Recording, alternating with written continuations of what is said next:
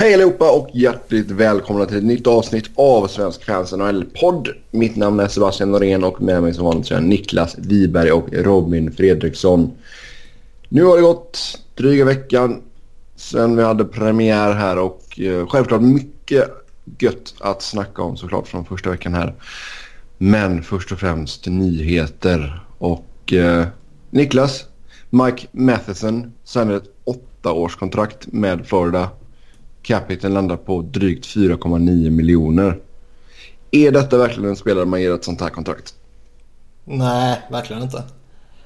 Alltså, snubben har liksom gjort en dryg säsong. Och jag tycker han, han ser ut att vara en, liksom en, en bra back och sådär. Men eh, alltså fan, ska man signa upp vilken spelare som helst på 8 kontrakt då kommer man ju... Alltså då kommer ju ligan ta iväg i en riktning som kommer vara jävligt svår att hantera. Mm. Alltså de du ska signa på maxkontrakt det är ju de som verkligen är din supercore. Uh... Det är... Sen är det skillnad. Man kanske kan göra det om man får ett eh, liksom... Ja, får du kalla järnkrok-kontrakt liksom? Ja. Eh, ja, alltså järnkrok-kontrakten. Där finns ju en fördel för ett lag att signa ett sånt. Men jag kan inte tänka mig att uh, Matheson kommer ha en sån explosionsartad offensiv kommande två, tre åren att eh, man kommer anse att man fick han till ett fynd på strax under fem miljoner. Mm. Eh, Nej, det är inte så att han har varit någon poängmaskin i... Han, var, han spelade ju i USHL med Dubuque Fighting Saints och sen tre år på Boston College liksom. We started at two years and went to four and went to six and he said what about eight? I wanna be a Panther ja. Det är ju deltallern och vad fan är det för någon kommentar? Mm. Alltså, alltså, ja. Det man ville ha var två år och man landar på åtta år. Den är sjuk. För att han wanna be a Panther. Ja. Uh, det är liksom... Han, han, är, på ett sätt är han väl lite svårutvärderad tycker jag. För jag tycker han har visat bra tendenser på det lilla han har spelat liksom. Men som jo, sagt, men alltså, det är en dryg säsong han har lirat. Jo, och även om han skulle explodera i år så liksom... Det är fortfarande inte... åtta år ska fortfarande inte vara på tal liksom. Nej, han är inte 20 heller. Alltså... Han kommer ju vara 32 eller någonting när kontraktet går ut. Så att... Uh... Ja. Det, alltså, det är ju, för honom är det ju bara att tacka och ta emot. Det är ju en grym säkerhet för honom detta. Till ett ja. ganska bra pris också liksom. Ja, han får ju både enorm capita och ett enormt långt avtal. Mm. Så att... Uh, ja, han är superbra. Ja, är alltså detta ännu ett prov på att Floridas ledning kanske inte riktigt vet vad de håller på med? Mm, ja, ja, det är väl ingen det är ett gott tecken i alla fall det här kontraktet tycker jag. Mm. Nej, det blir spännande att se och alltså Niklas, jag hoppas ju inte att detta blir trenden. Det är som du säger, det hade inte varit en bra utveckling. Alltså en gång är ju ingen gång kan man väl typ trösta sig med än så länge ja. i alla fall. Men jag menar om det här någonstans börjar bli någon form av trend att var och varannan vettig back ska signas upp på jättelånga och relativt dyra kontrakt. Så är det ju direkt oroväckande. Mm. Visst att det finns kanske lite backbrist men... Jo, och det kommer påverka marknaden såklart men... Alltså, som jag sa innan, det här med liksom maxkontrakt. Det, det är bara några få man ska ha det på. Och är det någon, är det liksom någon spelare som man som det är värt att gå lite högre i cap eller lite längre i term på så är det ju de absoluta toppspelarna. Mm. Det är ju inte en sån här spelare. Nej. Vi kan ju gå över då till en annan back som har skrivit nytt och det är Josh Manson i Anaheim. Där blev det en fyraårsförlängning med en capita på 4,1 miljoner. Ja, det framstår det... som en jävla superkontrakt ju. Ja. Det känns väl lite mer rimligt. Nu är Man, Manson i och för sig tre år äldre men det är en sån spelare som ja, han har ju liksom hunnit visa lite mer i alla fall. Nej men jag håller honom högt. Sen ska man vända någonting mot honom så kommer det väl alltid pekas ut att han kanske är en eh, någon form av produkt av att han har spelat med Hampus Lindholm till exempel. Eh, han gör inte överjävligt många poäng men han har en väldigt fin possession back och, och bra i övrigt så här. Och vill man vara kritisk så eh, ja, det är Lindholm som bär upp honom liksom. Mm. Eller så är det Josh Manson som gör Lindholm så bra. Ja, alltså vissa spelare är ju komplementspelare och de klarar av att spela med riktigt, riktigt bra spelare vilket kan vara ett problem ibland. Så jag menar liksom funkar den duon bra så varför inte? Kör på bara. Alltså personligen tycker inte jag det här några kontrakt att signa upp honom på det. Han är en duktig topp 4-back och ja. det här är ju, vad ska man säga, typ normen för en sån back. Mm. Ja, det här är ju ett rimligt kontrakt. När ja. vi pratar, alltså jämfört med det vi nyss pratade om. uh, oh ja. Så att... Uh, uh, ja. Rimligt helt enkelt. Sen är det ju... Ja. Det skulle bli intressant ändå att följa honom lite här nu under inledningen där de har lite problem med Lindholm och Vatanen borta. Och han och Ken Fowler får ju förmodligen ta stora roller. Så nu sätts de ju i en, i en situation som inte är det normala så att säga. Nej, det är absolut ett bra test för Manson och visa vad han går för även utan Lindholm då. Sen, vi fortsätter på backspåret här. Mark Borviecki, Ottawa. Tvåårsförlängning, 1,2 miljoner i cap hit. Så han tar bara en liten paybump på 100 000 dollar. Ja. Uh... Alltså det är väl ingen hemlighet att de gillar honom där. uh, men... Uh, alltså det är inte en back som ska tjäna över en miljon. Det är väl kanske en back som ska hoppa mellan AHL och NHL. Som någon call-up snubbe. Uh, han har ju... Jag förstår inte varför han signas ett år i förväg heller. Nej. Nej, det är ju jävligt lustigt. Ja. Sen verkar de ju avguda honom där uppe. Mm. Ja, det är också det är jävligt lustigt. Mm. Men även om man avgudar honom så måste man ju ändå förstå någonstans att ja, men det finns inget behov av att signa honom så här tidigt. Nej, speciellt när du har några ungdomar på uppgång och det är inte så att det kommer bli en jävla huggsäck som uh, Borviecki om han skulle gå och bli UFA liksom. Nej, nej, verkligen inte. Och det är inte så att han kommer göra någon monstersäsong där han gör 40 poäng och eh, liksom priset skjuter i höjden. Nej. Mm. Lirade med Thomas Chabot i andra paret senast. Uh. Det var ja. jävligt lustigt rakt igenom. Yes. Sen Brandon Peary. Det var en spelare som vi snackade om i, innan vi satte igång säsongen. Att det kanske var lite konstigt att han inte hade fått ett kontrakt. Men nu har han kritat på ett år med Vegas Golden Knights. 650 000. Mm. Uh, dumpades väl ner dock har jag för mig. Så där ja. Uh, vilket yep. väl också var lite oväntat kan jag tycka. Jag tycker för... Även om han studsar tillbaka och blir den där 20-målsskytten som han var för något år sedan så liksom... Det är väl en typisk piece som Vegas borde liksom... Uh... Man borde värdera honom och spela honom och, och liksom... Ja, inför en trade liksom. Ja. Uh...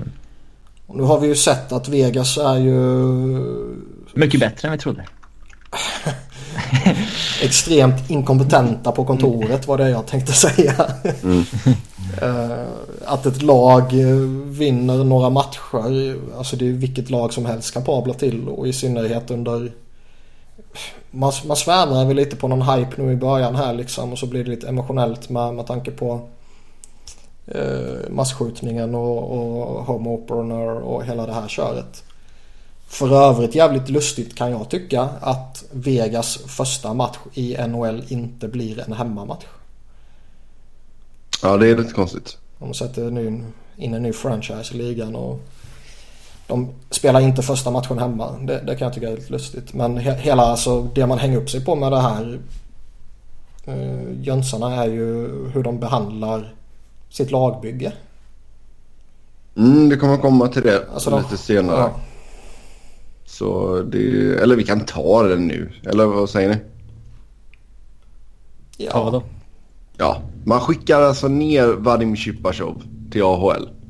Nu är han missnöjd och undersök, undersöker en väg tillbaka till KHL. Det har jag full förståelse för. Nu är inte bara han, Shea Theodore också. Ja, Theodor ner. Han var ju en av få backar. Han var väl typ den enda backen de hade där i hela den Ja. klungan som var waiver exempt då. Och sen en Alex Eh. Tuch också. Ja. Så eh, visst, man har ju gjort det lite konstigt här då när man liksom blir tvungen att skicka ner vissa spelare bara då för att de är waiver exempt. Eh, Men det är ju liksom...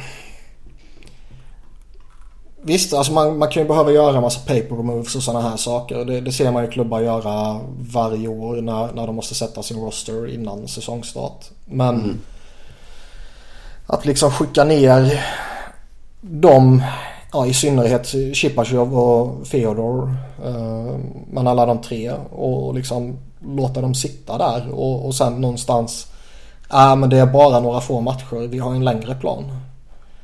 Eh, jag- tycker ändå det är så oansvarigt och amatörmässigt och direkt eh, värdelöst. Men eh, han ska väl inte ens spela i AHL? Han är ju Nej nej han sitter ju... Exakt. Så det är ju bara ett paper move. Men de är så jävla usla på att sätta laget i övrigt så det blir något mer än ett paper move. För paper move är ju att skicka ner honom över dagen och sen kalla tillbaka honom för att du var tvungen att och, och liksom börja säsongen med en skadad spelare i truppen i och sen eh, när du väl sätter hand på typ long term injury reserve så, så kan du kalla upp honom igen. Mm. Eh, men det har ju inte skett liksom. Sen på något sätt kan man ju ändå den här ambitionen som de hade att samla på sig många backar och sen göra sig av med dem. Är ju i grund och botten en sund plan. Alltså det finns typ alltid ett behov av backar i ligan. Problemet med Vegas är att de har några jävla sopor. Mm. så har de inte fått till någon trades eller tillräckligt många trades. Jag menar just nu så har man nio backar uppe. Ja, och den enda riktigt bra backen de har är i AHL för att de inte kan göra sig av med dåliga backar och eh, deras förmodade första center då. En av Europas bästa spelare de senaste åren eh, är i AHL för att de inte kan göra sig av med alla sina värdelösa backar som de har plockat på sig. Och sen finns det alltid någon som liksom, ja men han kanske inte passar in i nordamerikanska eh, spelstilen och sådana där saker. Och man, hur vet du det? Han har inte spelat än. Nej. Alltså plocka över han och så ser man eh, Nu ska man inte dra några paralleller så till Panarin med tanke på att det är rätt stora skillnader tror jag. Den ena är ung och den andra är veteran till exempel och, och bla bla bla och omgivning och hela köret. Men eh, om Chipachov blir liksom en legitim topp 6-spelare vilket han har i mitt tycke väldigt goda förutsättningar för att bli. Så går han ju direkt in och blir typ en av deras bästa spelare om inte den bästa. Vad, alltså, vi kan fortsätta lite på Vegas-spåret här också. Uh, Kevin Picard satte man ju på waivers först. Ehm, så gick han igenom och sen så skickades han till Toronto. Mm. Eh, man plockar upp Malcolm Subban på waivers ju. Och eh, anser väl att han är ett eh, bättre alternativ att typ chansa på. Jag tycker, var det inte lite skumt ändå att Picard gick igenom waivers? Ja, alltså det är den tiden på året där alla har sin roster set egentligen. Alltså väldigt få som har plats. Mm. Ibland så är det väl, både ekonomiskt kan det också vara att man inte har plats och eh, roster spots helt enkelt för en målvakt. Eh, mm. Och han är väl inte så het att man liksom kastar om den planen man har då. Och... Eh, mm. Men visst, det hade kanske varit... Eh, hade inte blivit förvånad om Toronto hade claimat honom direkt. För han är ju, man har ju mycket hellre honom än Curtis McIlney som tvåa. Mm. Vad hade de? De kanske hade problem med antalet kontrakt eller någonting. Jag har inte dubbelkollat det. Men man skickade i alla fall ett sjätte rundsval och Tobias Lindberg till... Alltså eh, fördelen med, fördelen med att trada för honom är att då kan de skicka ner honom i eh, AHL efter att mm. han har passerat waivers. Eh, att, men eh, om jag hade varit Toronto hade jag väl claimat honom direkt och sen skickat ner McGillney. Men... Mm. Eh, mm. Nej, det är sant. Det är sant. Men sen, så är det. Vegas synpunkt så... Picard... Alltså det var en kille de skulle få någonting för. Ja, var ju tanken. ja exakt. Och, och, men liksom om man jämför han mot Subban så någonstans kanske det finns eh, större hopp eller vad man ska säga att Subban utvecklas till att bli något mer än vad Picard är. Än att Picard själv gör det.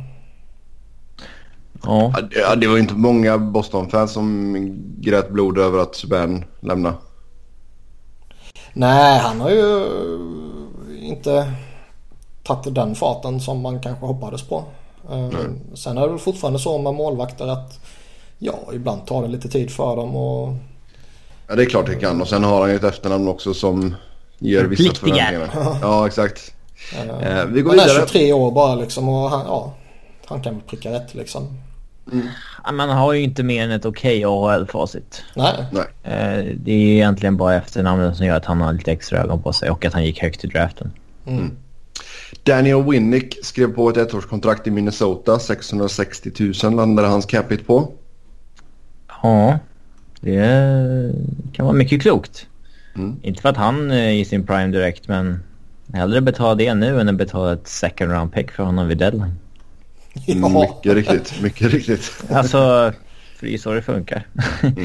eh, nu kan man istället få ett second round pick för honom vid deadline.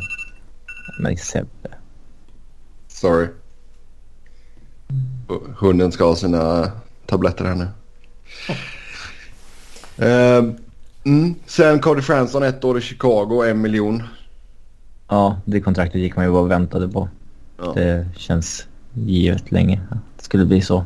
Det är det klassiska kontraktet som en veteran tar för att få spela i bra lag. Bra lag. Sen Nikolaj Ehlers, Winnipeg, en sjuårsförlängning där och capita på 6 miljoner. Ja, den känns äh, rätt klok. Um, av The Jets. Um, kan, det kan ha ju potential att bli ett uh, jättefynd. Men... Uh, ja. ja, jag ser inte jättemycket risk i det. Jag tycker Nej, alltså, Ehlers snarare... har varit riktigt bra alltså. Alltså tittar man på vad dagens stjärnor börjar signa för, vi kommer till ett kontrakt senare, så... Eh, mm. Alltså 6 miljoner blankt nu, det är ju det gamla liksom... Ja, fyra och ett halvt på lång tid. Eh, vad man säger. Det... Nej, det här är ett jättebra kontrakt för Jets. Mm. Ja, jag tycker det är en jättebra deal. Uh, han kan vara värd betydligt många fler miljoner om... Ja, inom kort liksom. Ja, så går han och gör 70-75 poäng i år, då ska jag med sen egentligen. Ja, ja. Absolut. 64 mm, pinnar förra säsongen, 25 baljer eh, uppe i tre mål på tre matcher här än så länge. Så det är ju, det är ju bra gjort. Det är intressant. Eh, vi har ju sett några spelare här nu signa kontrakt som eh, typ Ehlers och Pasternak. Som är typ den här regionen då liksom. Mm. Där man kanske ändå kan tänka sig att det kan ju förmodligen påverka förhandlingarna hos andra som kanske har en högre prisbild för sin spelare liksom. Mm. Uh, för jag tror väl ändå att spelare liknande Pasternak och Ehlers som är väldigt talangfulla och uh, har någon eller några enstaka säsonger i ligan och som ska signa det där kontraktet nu är ju liksom jag tror inte alla är direkt redo att signa för 6 miljoner. Nej. Nej, det är sant. Det blir lite give and take där och då kan klubbarna peka på ett kontrakt som det här så det är helt ja. rätt. Sen går vi till Washington. Alex Chasen, ett år 660 000. Varför inte? ja. Hey, why not? Alltså, för att gå tillbaka två veckor så hade de ju inte i närheten av en komplett trupp ens liksom. Nej, exakt. Så de behövde få in lite billigt och Ja, jag tror inte han är en 30-målsskytt direkt såklart. Men uh, fortsätter han att göra vad han gjorde i, i liksom Dallas, Ottawa, Calgary så ja, pitcha in med 10-15 baljor och 30-talet poäng så är ju den en solid spelare för djupet för dem. Och deras djup har ju utarmats rätt bra nu. Mm. Så där behöver de lite mm. hjälp. Absolut. Sen det stora kontraktet då. Jack Eichel, Buffalo, åtta års förlängning, 10 miljoner i capita. GM Jack Eichel signar sig själv. Mm. Så trots att han säger att han inte har åstadkommit ett skit så eh, mm, det är bra betalt detta. Alltså han var ju jättebra förra säsongen. Absolut. Uh, och, och, ligger nästan point per game. Ja, över 60 matcher då. Uh, men det var ju ett kliv jämfört med föregående säsong. Och... Fan högt alltså 10 mille. Alltså, ja, jag tänkte komma på det. Nyss liksom. Ja, exakt. Tänkte komma till det också. Att även om han var bra dubbla. så känns det som att rätt saftigt kontrakt liksom. Men sen är det väl där någonstans också att... Ja, måste trend, få signa där liksom. Ja, trenden nu börjar ju landa där omkring. Eh, jag har sett en del veteraner eh, signa liknande kontrakt och eh, liksom prislappen nu för en toppspelare och franchise-spelare verkar ju ligga kring 9-10 miljoner kanske. Och mm. det är väl vad vad de förväntar sig eller vad typ alla förväntar sig att han kommer bli för Buffalo. Ja, alltså håller han point per game och så visst absolut. Då är väl 10 miljoner ingenting att, att himla om. Nej, Men, frågan är om han kommer göra det bara. Mm. Yes, sen... Uh, Men undrar vad han fått om han inte har varit center. Ja. Det känns som det är just centerpositionen så har Conor McDavid skapat en annan norm. Ja, han har ju lagt ribban här nu. Absolut. Fast det är ändå rätt många som ligger, alltså... De ligger ganska högt. Ja, eh, och visst nu ska man väl kanske inte jämföra en 28-årig Jamie Benn med, med Jack Eichel eller Antse Kopitar eller Toews. Alltså som, som ändå har... Eh, vad ska man säga? Har mer bakom sig än vad han hade. Sen är det ju kanske fördelaktigt då att signa eh, honom till det här kontraktet när han går in i sin prime än när han har passerat sin prime såklart. Mm. Men det är ju ändå eh, på ett sätt tycker jag väl det inte är ett orimligt kontrakt. På ett sätt så känns det som att det är dyrt. Ja, alltså jag, han kan säkert leva upp till detta eller till och med passera det och visa att han kanske var värd en miljon eller två till liksom. Alltså jag känner mig rätt säker i att det här kommer vara ett, ja, inget fynd men ett bra kontrakt liksom. Mm. Jag, tror ja, jag, man, jag tror inte man om tre år kommer sitta här och, och kritisera det här kontraktet liksom. Det har jag svårt att säga. Mm. Eh, ett kontrakt som eh, Niklas kan kritisera det är Tanner Glass Calgary, ett år 650 000. ja. Eh, man börjar med att signa Jäger och så tycker alla att fan vilken fantastisk organisation. Och så följer man upp det genom att signa Tanner Glass och så skrattar alla. Och så har det ju börjat bli massa sponsrade tweets nu också från klubbarna att det här kontraktet presenteras av bla bla bla. Um... Står de för kostnaden också då? ja exakt. Eh, och så väljer man eller så blir man tvungna att sponsra Tanner Glass. Det måste vara... Eh, Ja, den är jobbig. ja, det borde man inte vilja förknippas med. Nej. Och jag förstår, ja, det som jag sagt senare, jag förstår inte vad man ska med de här jävla soporna till liksom. Det finns ju bevisligen, det är bara att titta på vilka kontrakt som skrivs så finns det ju bevisligen kompetenta, relativt skickliga spelare som signar billiga kontrakt liksom. Mm. Vi pratade om Pirry tidigare till exempel. Ja, Jag har ju hellre han 10 dagar i veckan än vad jag har Tanner Glass. Oh ja.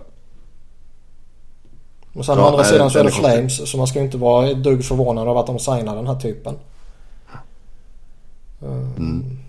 Men jag tycker bara det är fruktansvärt slöseri med pengar å ena sidan och å andra sidan fruktansvärt slöseri med en roster spot. Mm, vi får hoppas att de fick in bra med sponsorpengar där då helt enkelt. Harry Solnerchuk. Nashville ett år 650 000. Mm. Jag tänker bara på den här gamla, jag vet inte om de har kvar den men eh, Taxi Göteborg här är det 650 000 Taxi Göteborg. Så ja, gå vidare. Ja det kan vi göra. Fick de en liten plugg där också? ja jag skickar faktura till dem. Ja, gör det. Spons, sponsring där. Men eh,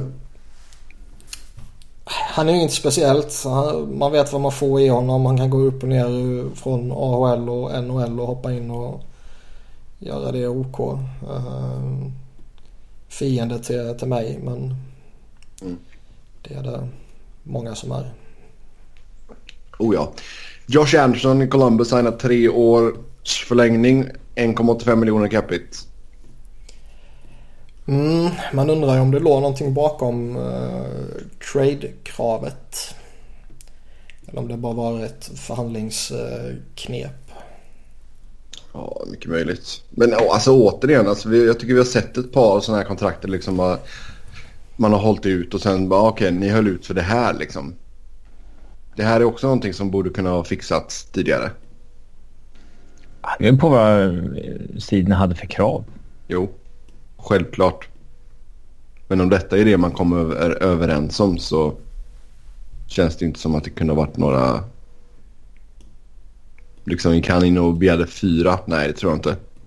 Nej, men vi vet ju inte. Nej, Nej. det kanske han inte gjorde men jag tror väl ändå han kanske eh, hoppades på lite mer. Nu är inte den superspelare på något sätt men en hygglig spelare för lite depth och så här. Och Mm. Med tanke på vad de väljer att pröjsa för Matt Calvert så varför skulle de inte vilja pröjsa det för Josh Anderson liksom? Mm, Calvert ligger på 2,2 så ja. Mm. Nej, Columbus ser spännande ut faktiskt. Ehm, Adam Cracknell från Dallas till New York Rangers via waivers. Release the cracknell som de skrev. Åh, oh, boo. Boo. Eh, det var väl någon som började jiddra om att Lindy Ruff låg bakom det här. Jag hade honom i Dallas och jag vet inte vad man ska säga. Alltså han kan pitcha in med lite mål här och där och Han är inte den första centern de behöver. nej det är han inte. Nej. Eh, lite djup är ju aldrig fel och det kan alla lag behöva men ja. Ingenting man hetsar upp sig över direkt. Nej.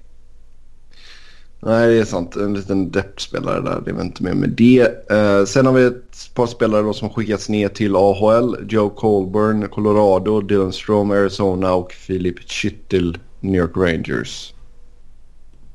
Mm. Eh, vi börjar med Colburn där. Robin. Ja, vad ska man säga? Uh, det känns ju lite konstigt. Han hade 44 poäng eller någonting säsongen innan han kom till Ävs. Men eh, tittar man på Ävs forwardsuppsättning nu så finns ju ingen anledning att spela honom. Alltså, man har första kedja med André och McKinnon och Rantanen. Det är klart att man vill satsa på killar som McKinnon och Rantanen och André Ghetto har ju liksom en uppsida och det tjatat ju många statsfolk om också när han var i Montreal och inte fick spela till förmån för massa skräp. Uh, men en andra kedja med Jakobov som man liksom hoppas ska rebounda och, eller reboundsa. Uh, Matthew Shane. Alexander Kerfoot som han signade från college. Ung spelare liksom. Hur har han sett ut? Nej, helt okej. Uh, alltså man, man har ju lärt sig att man ska inte ha några större förhoppningar på de här college-spelarna. Nej, men ändå har man det. Uh, ja. Nej.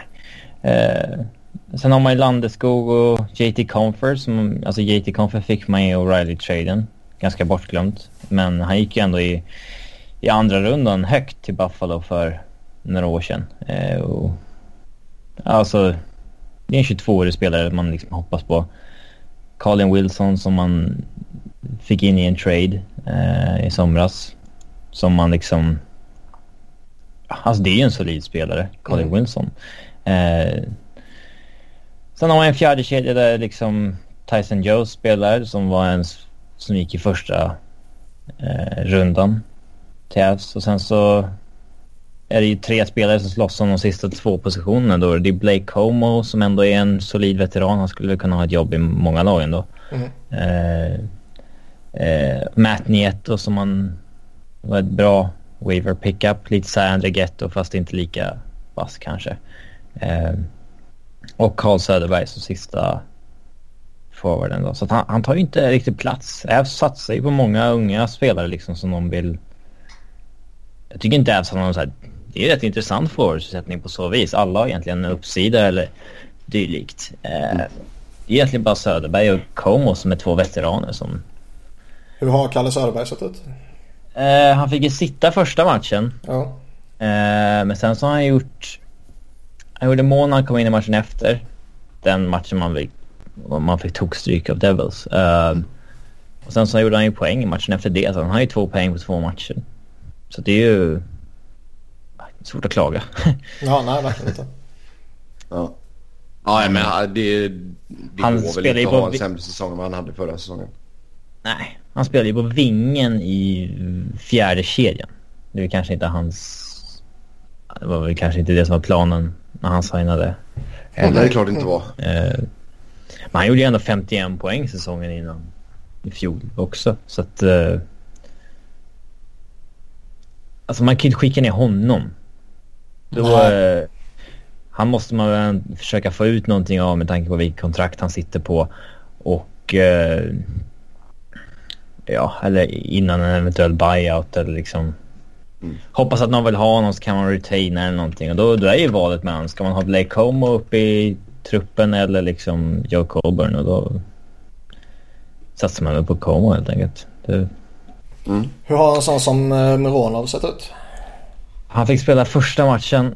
var total katastrof. Han får spela sen dess. Eh, man har ju åtta backar uppe. Mm. Första matchen så satt Anton Lindholm och Sadorov på läktaren. Och då spelade man Mironov och Barbero. Eh, efter första matchen så har eh, Sadorov och Lindholm fått komma in igen och Barbero och eh, Mironov har suttit på läktaren. Eh, lite trist med Mark Barbero som ändå är en vettig back. Jag skulle hellre sätta ner Anton Lindholm eller någonting i AHL igen och spela mm. honom. Men Mironov, eh, ja, en match var jätte, jättedålig den matchen. Det var... Han såg ut att spela, ja, som han var på en nivå han inte hörde hemma på alls. Men, eh, man får väl se. Mm.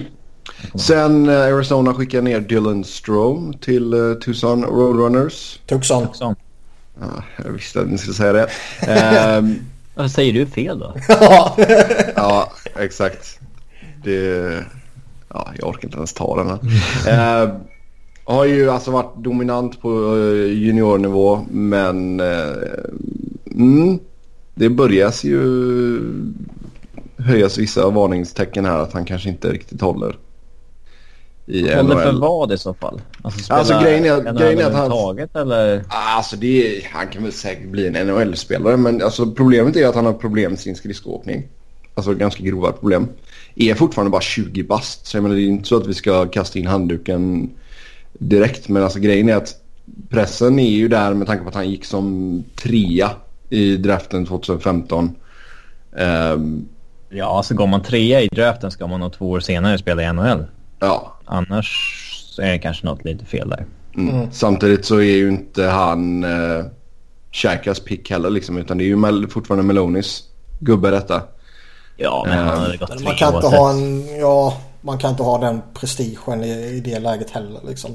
Nej, nej, nej. Men jag säger liksom, så det, det är ingenting som ska sättas på Shaikas minuskonto menar jag. Um, nej, det är väl fair såklart. Shaika så... var inte ens född då. nej, så vi får väl se hur det går för honom i AHL och om han kan liksom anpassa sig till uh, seniorhockeyn liksom. Det är ju, uh, gjorde alltså... ju sju matcher förra säsongen och skickade sen tillbaka till uh, Erie Otters. Hur såg han ut de sju matcherna då? Ja, han såg ganska valpig ut alltså. Uh, fick två matcher på sig bara denna säsongen. Uh, så kallar man upp Mario Kempe istället. Ja. Var, var det någon förbättring uh, mot denna säsongen? Liksom? Alltså från vad man har hört från camp och allt sånt där så såg väl lite, alltså lite, vad ska man säga, han har fyllt ut sig lite. Mm. det var ju också någonting de hade pratat om för, förra säsongen. Var att han kanske var lite klen också. men det är fortfarande problem med skridskoåkningen då. Så där ska man väl egentligen sätta med någon jävla... Ja. Skridsko-coach. Ja, speedskating-coach eller någonting och liksom få bukt på detta så gott man kan. Liksom. Och vi har ju redan sett... Det var ju problemet med Henrik Samuelsson också när man hade honom. Alltså talangen. Alltså händerna och allting fanns ju där. Men du kan inte jämföra dem. Nej, nej, jag ska inte. Men alltså det är en liknande situation. Där det det finns en... väl andra jämförelser i så fall. Som John Tavares var en sån som inte ansågs ha särskilt vettig mm. skridskoåkning heller. Nej. Och han gick ju också högt i draften. Eh, men Strom... Alltså det blir ändå intressant att se de här matcherna han skickat ner nu. Gör han 10 poäng på 10 matcher i AHL eller blir det liksom så här 2 poäng på 10 matcher? Då börjar man ju kanske oroa sig lite. Mm. Men ja, som sagt, endast... Ja, han är 20 bast liksom. Har han något vettigt han får spela med där nere? Vad har han för lekkamrater där nere? Kan ju titta lite snabbt. Jens Löke. Mm, löke, löke är där. Um, det är väl inte jätte... Det mesta är ju uppe liksom i och med att de har så många uh, fina kids liksom. Um, Ryan McInnes. Ja, Ryan McInnes, ja. Um, det är väl typ Connor Garland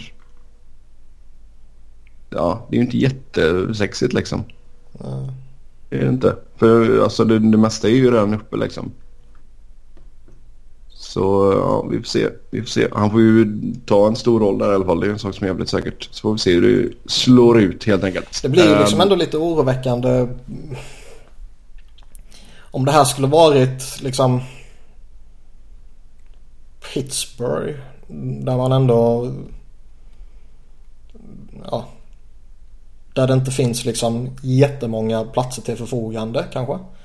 Ja. Eh, eller eh, andra verkligen topplag och, och liksom som verkligen är eh, alltså utman, ska utmana contenders. Men här, alltså du, konkurrensen är ju inte mördande. Sen finns det väl alltid någon, någon sån här rädsla mot att spela för många unga spelare. Men det känns ja, som att nu, nu, har de ju, alltså, vad har de, liksom sju spelare där i, i den kategorin nu typ. Och ja, det är ju nu gör ju en åttonde ingenting. Så. Nej, exakt. Uh, uh, så det är väl lite oroande så liksom. Mm. Ja, det. Att man inte ens tycker så... det är värt att liksom behålla honom för att uh, nej, men vi har i alla fall utrymme för honom. Ja, alltså egentligen du skulle väl kunna sätta honom i fjärde kedjan med Richardson och Reader liksom. Ja. Så det är, ja. Och det är liksom visst man, man kan alltid vad ska man säga? Det finns ju alltid det här att nej men det är bättre han spelar i en första kedja well och så får han spela med skickliga spelare där. Men nu kommer han ju liksom även om han spelar i fjärde kedjan i, i Arizona här som du snackar med där. Så det är ju ändå genuina spelare på något sätt. Reader är ju ändå en bra lirare liksom. Mm. Nej, det är sant. Uh, ja, vi... alltså det, de, de tre Arizona-supportrarna som finns bör väl vara lite oroliga i alla fall. Mm, Niklas, du får börja hårdkolla Tucson Roadrunners här nu. Tucson. Um, sen Filip Schüttel då. Ja. Ja, Wiberg, våran uh, resident uh, Rangers-hatare. uh, han fick jättemycket beröm under preseason ja. Och det är väl alltid lite... Uh, vad ska jag säga? Tråkigt när en sån här ung spelare gör en bra preseason, får inleda och sen skickas ner. Sen behöver ju det här inte alls vara något negativt utan det kanske till och med är något positivt. Eh, det här är typ ett sånt där exempel som jag målade upp när vi pratade Strome. Att det behöver ju inte nödvändigtvis vara något fel att skicka ner honom till en, en, uh, ja, en framträdande roll i AHL istället för att harva omkring i, i en fjärde kedja i Rangers till exempel. Mm. Men vad har han att spela med i Hartford Wolfpack i frågan? Uh, ja, ingen jävla aning. Man, man ska ju inte liksom inte det... skicka ner en spelare för att det inte är en bra line eller någonting där. Så det Sen är det liksom ändå en, en, spelare som han fyllde 18 år för en månad sedan liksom. Mm. Uh, Superung spelare. Ja. Att han inte tar en, en plats och behåller den platsen det är ju inte chockerande på något sätt liksom. Nej. Han gjorde åtta poäng i fjol i tjeckiska ligan. Ja. Inte... Att han skulle kliva rätt in i NHL var väl ganska långsökt. Ja, exakt. Mm. Och uh, skulle han skickats ner under slutet av kampen så är det väl förmodligen typ ingen som skulle reagerat. Nu får man inleda och skickas ner efter bara två matcher. Då skulle man ju kunna, om man vill, uh, tolka det som uh, något helt annat än vad det förmodligen är. Mm. Ja, det är sant. Ja, vi har ett par trades här också. Derek Poulion gick till Vancouver i utbyte mot André Pedan och ett fjärde rundsval i uh, kommande draften här då till Pittsburgh. Ja, känns som en vettig chansning från Goody Gin. Ja, Pence hade väl för många backar också helt enkelt bara så. Ja. Man kan inte hålla fast vid honom för evigt bara för att de tog honom högt i, i draften. Han har Nej. inte klivit in liksom. Vad är scouting-rapporten på Andre Padan då? Att det inte är något speciellt alls va? Eller? Nej. Nej. Tror inte. Nicolas Delorier gick till Montreal och Zach Redmond gick till Buffalo. Ja, Montreal måste ha sina skitspelare. Sen är det väl en spelare för AHL snarare. Mm.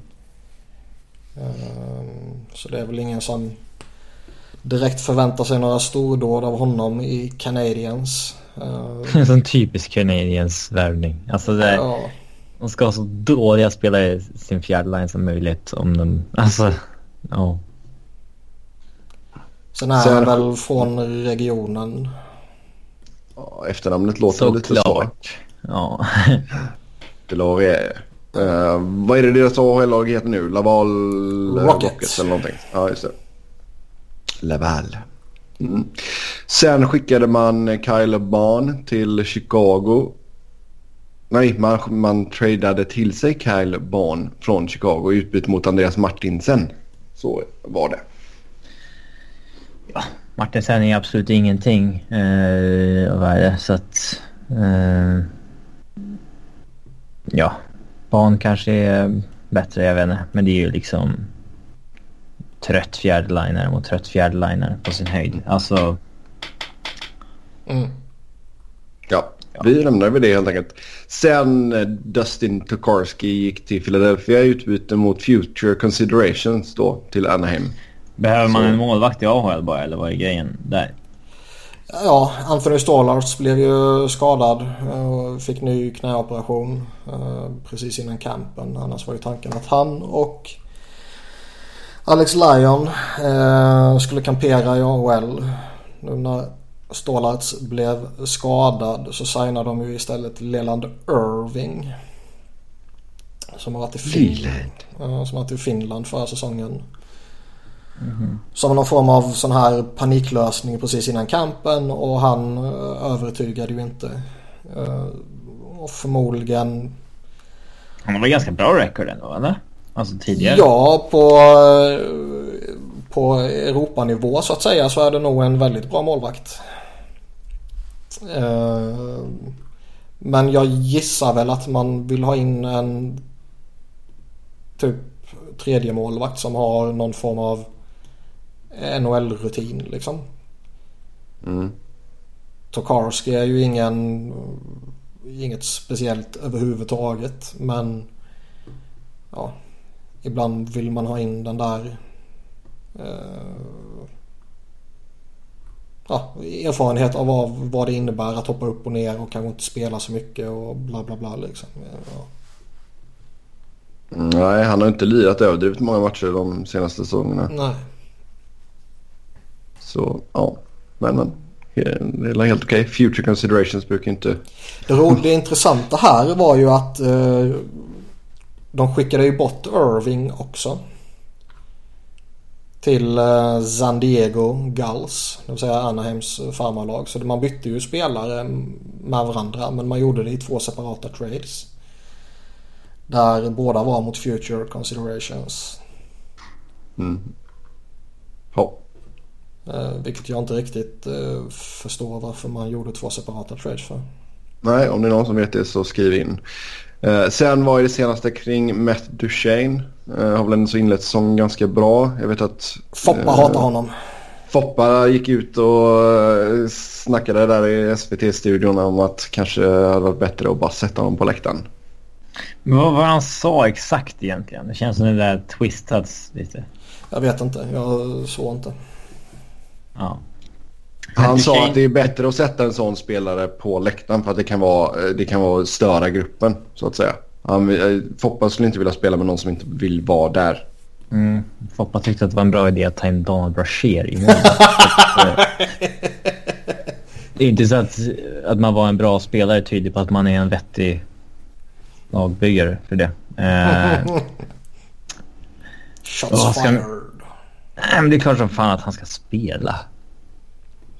Alltså, ja, grejen är att ska man vara lite... Känns inte som Poppa är säkert involverad i situationen heller. Nej, alltså... verkligen inte. Och ska man vara lite kritisk eh, och nedvärderande mot Foppa, vilket givetvis alltid är skoj för det kommer alltid rätta upp någon. Så eh, erfarenheten han har av en sån här situation är väl förmodligen där Colorado var ett eh, väldigt framträdande lag och väldigt slagkraftigt lag med väldigt många duktiga spelare. Och skulle det här situationen hänt under den perioden skulle de ju förmodligen kunna undvara honom under några veckor eller sånt där och ändå eh, ja, i väntan på en trade liksom. liksom. Ja. Där är ju inte Colorado nu. De är ju långt ifrån den situationen. Huvudmålet är att försöka liksom promota Duchene så mycket som möjligt ja. inför en trade. Vad ska Ävs potentiella och eventuella bottenstrid vad ska de avvara Duchene där för? För att han mm. inte ska störa gruppen. Nej, Nej men sen kan det väl alltså... Är Duchene kan... fick ju chansen att svara på det också. Mm. Ja, han sa väl att det inte var, han tog inte det personligt och allt sånt där. Men alltså det kan ju väl vara en liten, det, alltså jag, det var någon som skrev att det kan ju vara en liten digg mot Joe Sakic också. I och med att han inte har fått igenom den här trailern än. Av vem? Ja, Foppa. Ja, det tror jag är Foppa lägga en mot Joe Sakic för? Jag tror Foppa, tror nu... säkert, Foppa tror säkert att Joe Sakic är ligans bästa GM. Så att jag... Jag vet inte. Fan vad gött med lite Foppa-hat i podden. Men han, han känns ju inte alls involverad Nej, i herregud. Alltså... Jag tycker man märker det på många svenskar som kommer hem efter karriärerna och... och... Alltså han var ju mer sugen på att prata om Modo när han var i den där studien mm. han var att prata om eh, NHL och Ävs. Så att alltså... Jag tycker man märker det på många svenskar som kommer hem. De, de, släpp, de, har, de följer liksom inte ligan om min koll utan de pratar fortfarande som om det som var sanningar för sex år sedan är sanningar idag också. Mm. På tal om Avs dock så blev det ju klart här veckan att man kommer få sitt AHL-lag i Colorado nästa år. Det är ju alla lags dröm. Mm, det är ju inte helt fel. Uh, vilka har man just nu? San Antonio Rampage Ja, som då kommer liten- tas över av. Blues nästa år. För de har ju typ delat De har ingen. lag med... eh, De delar ja, med Vegas ju. ja, exakt. Så det är väl en bra lösning för alla. Vad blir det nästa år då?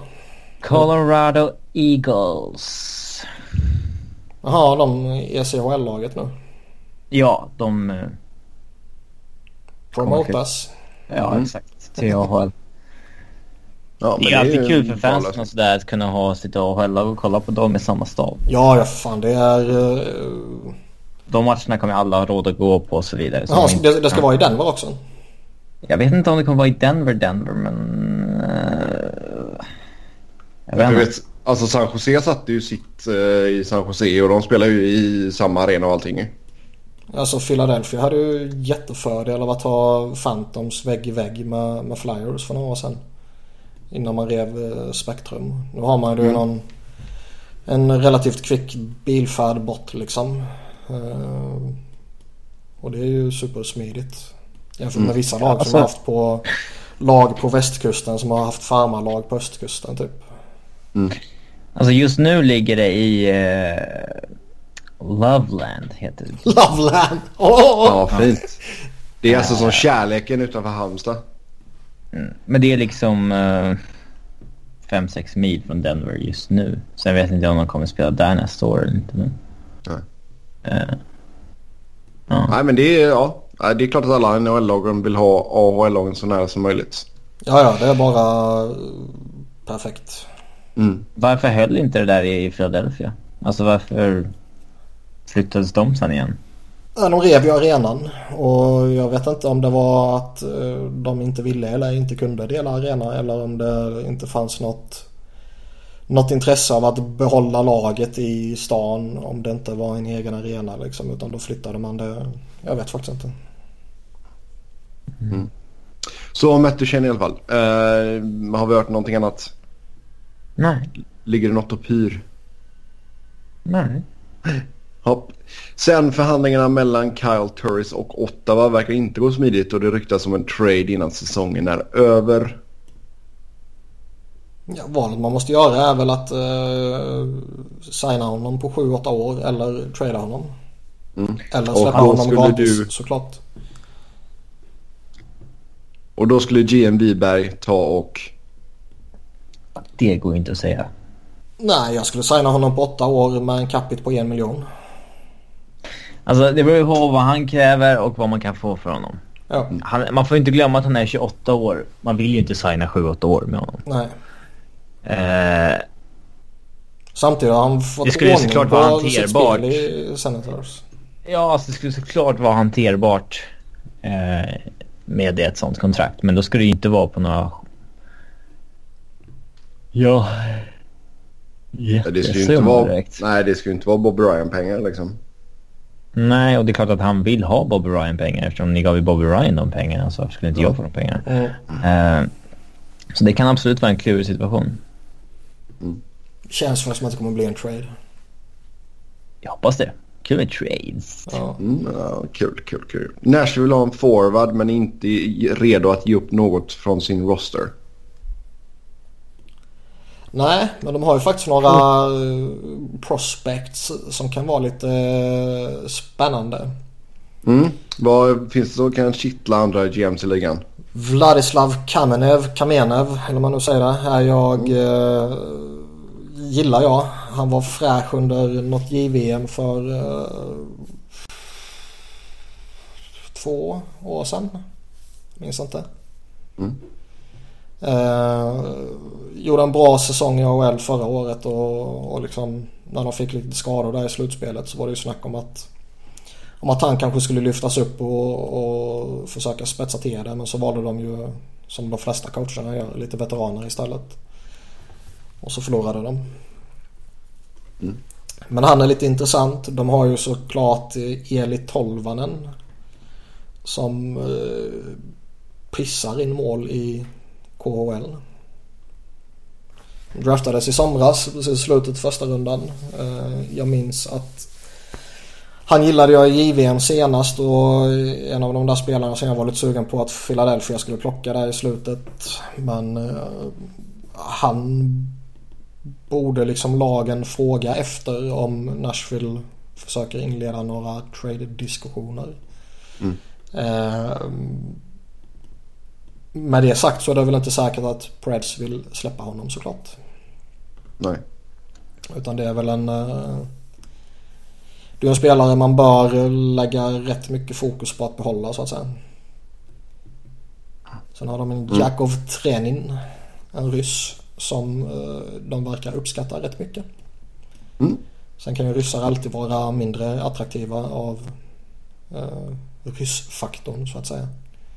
Men de har ju prospects de kan offra om de känner att nej, vi behöver in en, en center eller en winger som kan hjälpa oss med lite mål. Och uh, vi vill inte offra något från befintliga rostern. Nej. Men såklart, alltså spelar ryssfaktorn in på träningen där verkligen?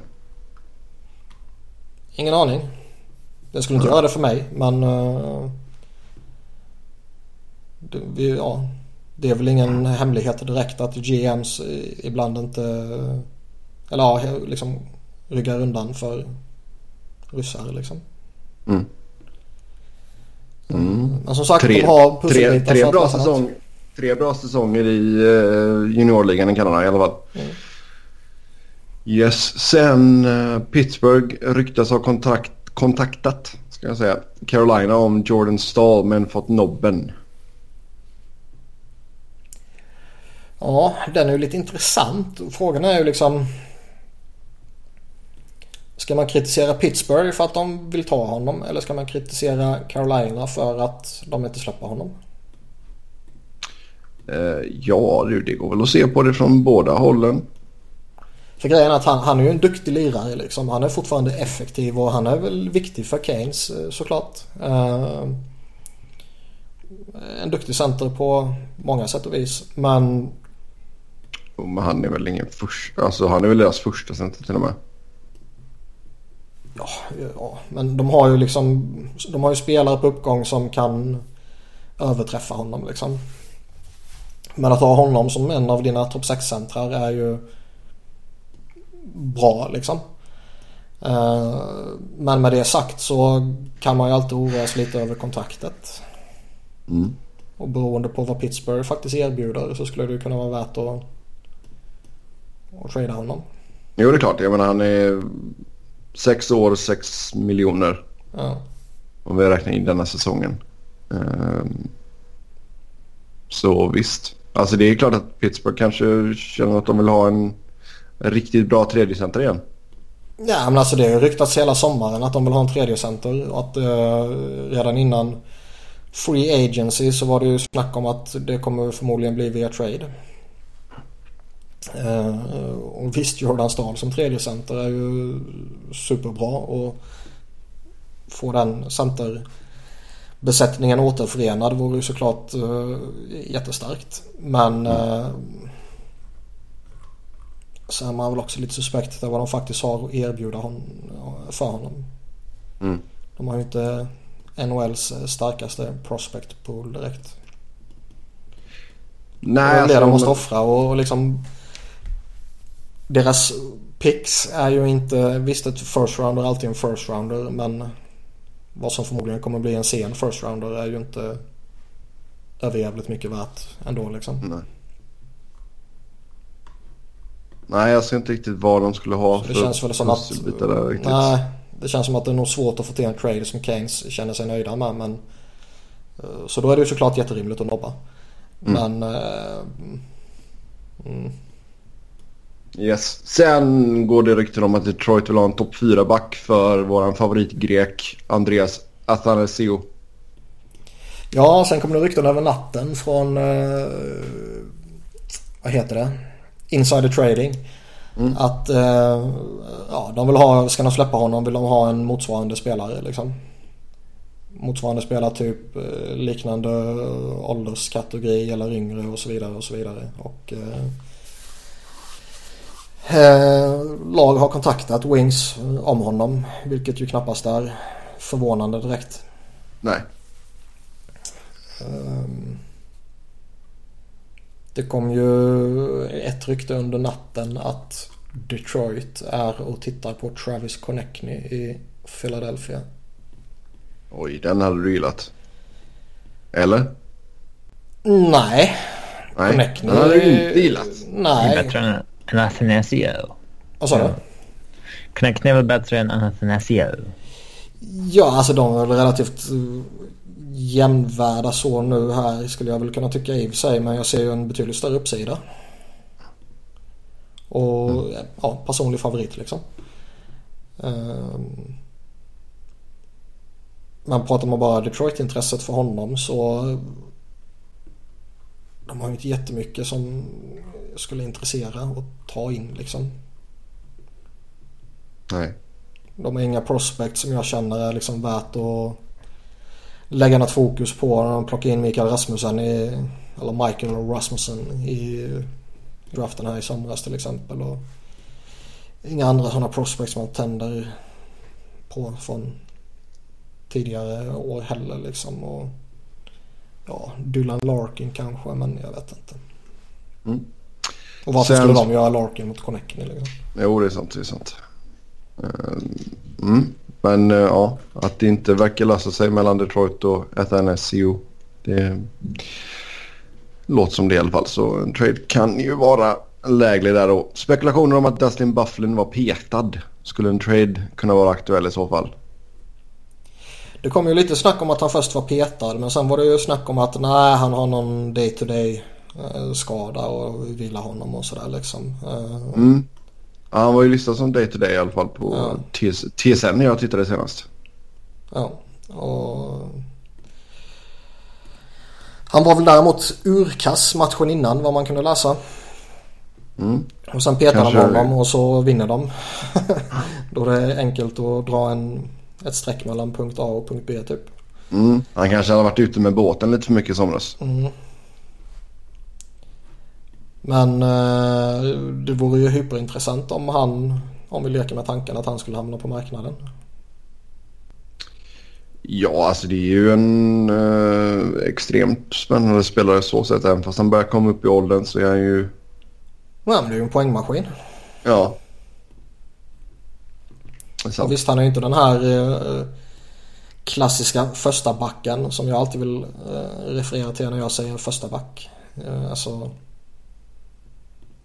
inte bara det att han är den bästa backen i det befintliga laget utan han är en första back så som Niedermayer och Pronger och de var liksom. Mm. Eh, men äh, jätteeffektiv såklart. Mm. 7,6 miljoner i cap hit. Fyra år kvar när vi räknar in den här säsongen. Mm. Så visst, nej men det hade ju blivit en stor trade också ifall han skulle skickas. Så det hade ju varit kul att se. Oh ja. Och sen då går vi tillbaka till Carolina där man låter Jordan Stahl och Justin Falk dela på eh, C1. Så co-captains. Jävla pajasorganisation. Det är som, uh, ja. Co-managers Skicka Office. till Quebec för fan. Niklas, du får fortsätta raljera om detta. Varför gillar du inte att man delar på C1? Utveckla. Liksom fan bestämmer jag för en gubbe och kör på honom. Och, alltså, känner man att man inte har någon som är rätt för en kaptensroll. Eh, så är det liksom då är det bättre att köra med 3A eller 4A och allt vad lagen brukar köra med nu som jag inte heller gillar i och för sig. Mm, Arizona gick ju 4A. Ja, men dela på det är ju liksom... Nej, nej, jag tycker inte om det. Det känns bara som att det är liksom någon rädsla över att ta något beslut. Mm. Och liksom då tar man the path of least resistance typ. Istället för att behöva välja mellan de två som på pappret känns som de mest uppenbara alternativen kanske. Så mm. nej fan vi sätter det på båda. Han får ta hemmamatcherna, han får ta borta matcherna. Uh, ja. Vi vill inte göra någon av dem ledsen. Nej men då får du köra på, alltså grejen är att du får ju nästan köra på detta nu också då. För men du kan ju, eller klart du kan ju alltid välja att ge det till en av dem nästa säsong men det känns lite konstigt också. Nej, men man tar inte C från en spelare om inte spelaren själv aktivt säger att nej det här funkar inte för mig, jag vill inte. Mm. Alla Patrick Marleux när han var i Sharks. Ja men Eric Desjardins gjorde så i Philadelphia också till exempel. Mm. Uh, man liksom bara plockar ifrån en spelare. Det, nej det gör man inte. Nej. Yes, innan vi går in på lyssnarfrågorna så ska vi uh, ja, kolla om vi tar, har vi tagit med oss något speciellt från inledningen av säsongen. Jag vet att det har varit mycket hype kring uh, Bratt hemma. Ja, Chris van der Velde gjorde mål i tre raka matcher en gång. Ja. Men det är ändå så imponerande av Bratt att komma in från Allsvenskan och göra det här. Ja, jättebra. Jätteimponerande resa. Eh, men liksom... Visst, han kanske fortsätter hålla i den här succén hela säsongen. Eller så är han bortglömd efter sex matcher. Och så då är han inte kvar i NHL efter nio matcher. Eh, många spelare kan få en kortare formtopp utan att det är särskilt anmärkningsvärt i det stora hela. Mm. Uh, Ovechkin måste vi prata om också. Hattrick i första matchen och sen fyra baljer i andra matchen. Det är nästan så man kan tro att han inte är slut. ja, nästan. Nej men vadå, det var väl, eh, du sa väl att han skulle studsa tillbaka på ett bra sätt men alltså sju, sju baljer så här på bara pang pang. Det är ju riktigt Nej, det såg man väl kanske inte. Nej. Uh, så det, det är bra gjort. Sen alltså vad fan händer mellan Blackhawks och Penguins? Alltså 10-1. Det är inte okej okay att förlora med 10, alltså släppa in 10 baljer. Göra det som regerande mästare är ju direkt pinsamt. Det är helt korrekt och de har väl inte varit uh, överjävligt bra under inledningen här Pittsburgh heller. Uh, så det kan ju vara en liten baksmälla. Uh, mm. Alltså det som jag har sagt tidigare. Jag tror fortfarande de kommer utmana. Jag tycker fortfarande de är starka. Men uh, två långa slitsamma slutspel. Så småningom kan det komma någon effekt. Och det kanske blir den här säsongsinledningen som blir den effekten. Mm. Eh, Toronto måste jag säga har varit jävligt roligt att titta på här i inledningen. Fast det är ingenting som förvånar egentligen. De, de var, nej, ju, alltså var ju intressanta att titta på förra säsongen också. Och det är ju ja, i princip samma lag som bara kör vidare med något, något nyförvärv här och där. Uh, men de här, den unga trion där är ju alltid jättespännande att titta på. Mm. Mm. Robin, någonting som du har eh, uppmärksammat? Under inledningen? Mm. Allmänt? Allmänt. Ja... Vegas tre raka, det är rätt häftigt. Mm. Toronto tre raka. Mm. Man måste ju nämna det jävla målet som McDavid gör. Vilket av dem? Ja, när han är uppe i 40 kilometer i timmen. ja, jo. Ja, det är, alltså den skridskoåkningen är ju helt galen. Fast lika imponerande som det är att han kommer upp i den farten. Lika imponerande är det ju att han typ kan stanna på två decimeter och bara fläka upp skiten i krysset liksom. Mm. Uh, det, det målet var ju faktiskt uh, jävligt imponerande. Mm. Bra start för Columbus också. Sonny Milano. Mm. Ja men det är en intressant spelare. Uh, skoj för Columbus del om han växlar ut. Mm. Sen fick ju DeBrinkat göra sitt första mål för Blackhawks också senaste matchen. Ja, även om det är Chicago så vore det lite skoj om han faktiskt lyckas. Absolut. Uh, den där uh, spelartypen som han är förtjänar lite kärlek. Eller spelartypen mm. men ja, med tanke på hur liten han är alltså. Mm. Det är bra. Ja, då kliver vi in på lyssnarfrågorna som vanligt. Tack så jättemycket till er som har skrivit in till oss. Det uppskattar vi alltid. Eh, vi ska börja med att sätta ihop vårt lag här då från eh, en division. Jag inte, vilken division bestämde vi oss för? Vi har inte bestämt någon. Vi har Nej. Eh, tre att välja på. Det var Pacific förra veckan. Då kör vi Central Nej, det var Metro. Veckan. Det var Metro förra veckan. Då tar vi Atlantic denna veckan. Så går det när det är morgon här för mig. Eh, då kliver vi in på Cap Friendlys Armchair GM. Vi tar Vad är Creative vi, Team. vilken uh, sa du förresten? Vi kör Atlantic. Atlantic. Yes. Jag lyssnar inte så noga på det. Jag brukar inte göra Ja, det är lugnt. Då byter vi, ska vi se, då skriver vi Atlantic där. Det får ett namn. Säsongen 2017-2018 så Cap 75 miljoner dollares. Eh, Då ska vi se vad vi kan hitta på för roligt här. Bam, bam, bam. Ska vi börja med Toronto eller? Eh, Jag ska väl läsa upp kriterierna också såklart.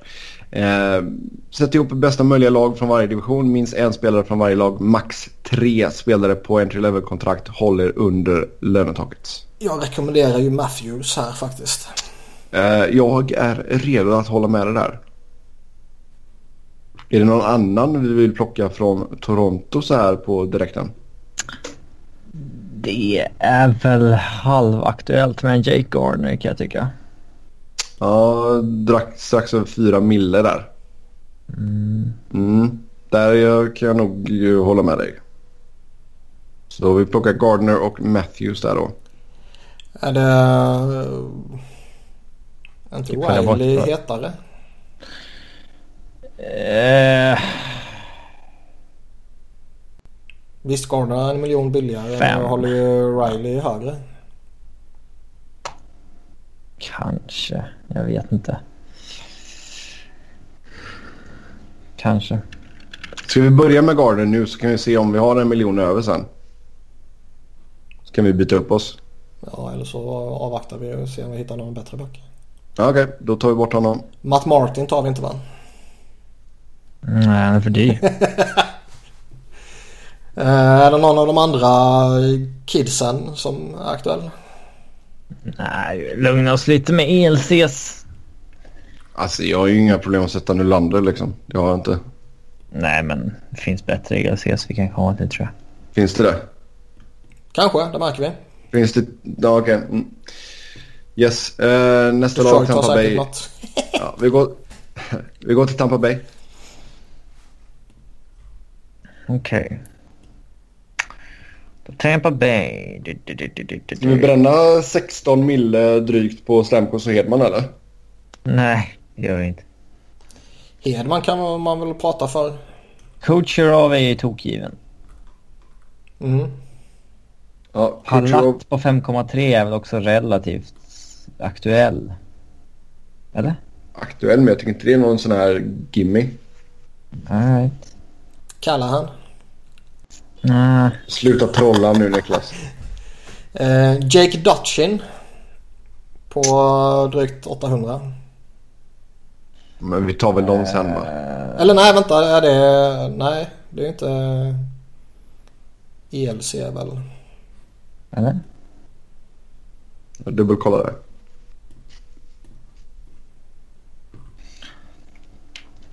Nej det är det inte. Det är inte det. Nej, då tycker jag vi lägger in honom. Ja, då lägger vi in honom. Ja. Och vad sa vi mer? Kucherov och... Ja, vi kan avvakta. Vi kan hoppa till uh, Ja. Ska vi, in, ska vi inte ha Hedman alltså? Nej, vi kan komma tillbaka. Okej. Jävla kontrakt. Eh, har Detroit någonting av värde alls? Kronwall. Uh, Larking är ELC. Manta är... Visst är det ELC på Manta fortfarande? Eh, Eller? ja, sista året. Ja. Uh, men Asek är lite dyr nu. Grejen är att vi måste ta någon här. Ja, vi Ja just det, vi måste ju ta en från varje lag. Mm. Ja.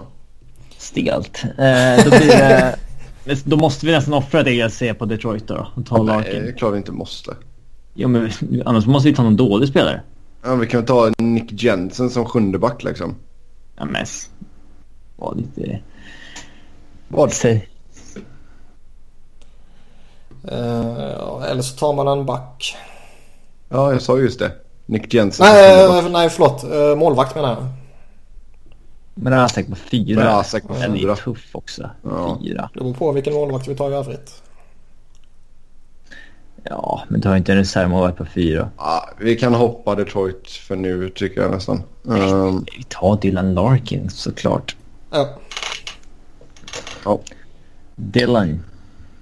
hockeydocky. Uh, så, då går han in Åtta där. va? Ja. Nej, vi har fyra. Åh. ja, in med Erik Karlsson, pang. Är det någonting annat vi vill ha därifrån? Ja, här finns det en del gött. Mark Stone 3,5. Relativt ja, given också va? eh, relativt tokgiven skulle jag säga. Ja, och sen så har vi Mike Hoffman på 5,18. Den tycker jag är väldigt given också. Ja, det är rätt attraktivt. Ottawa är ju en, har en great core. Tar vi in honom där också? Ja, då hoppar vi till Florida Panthers va?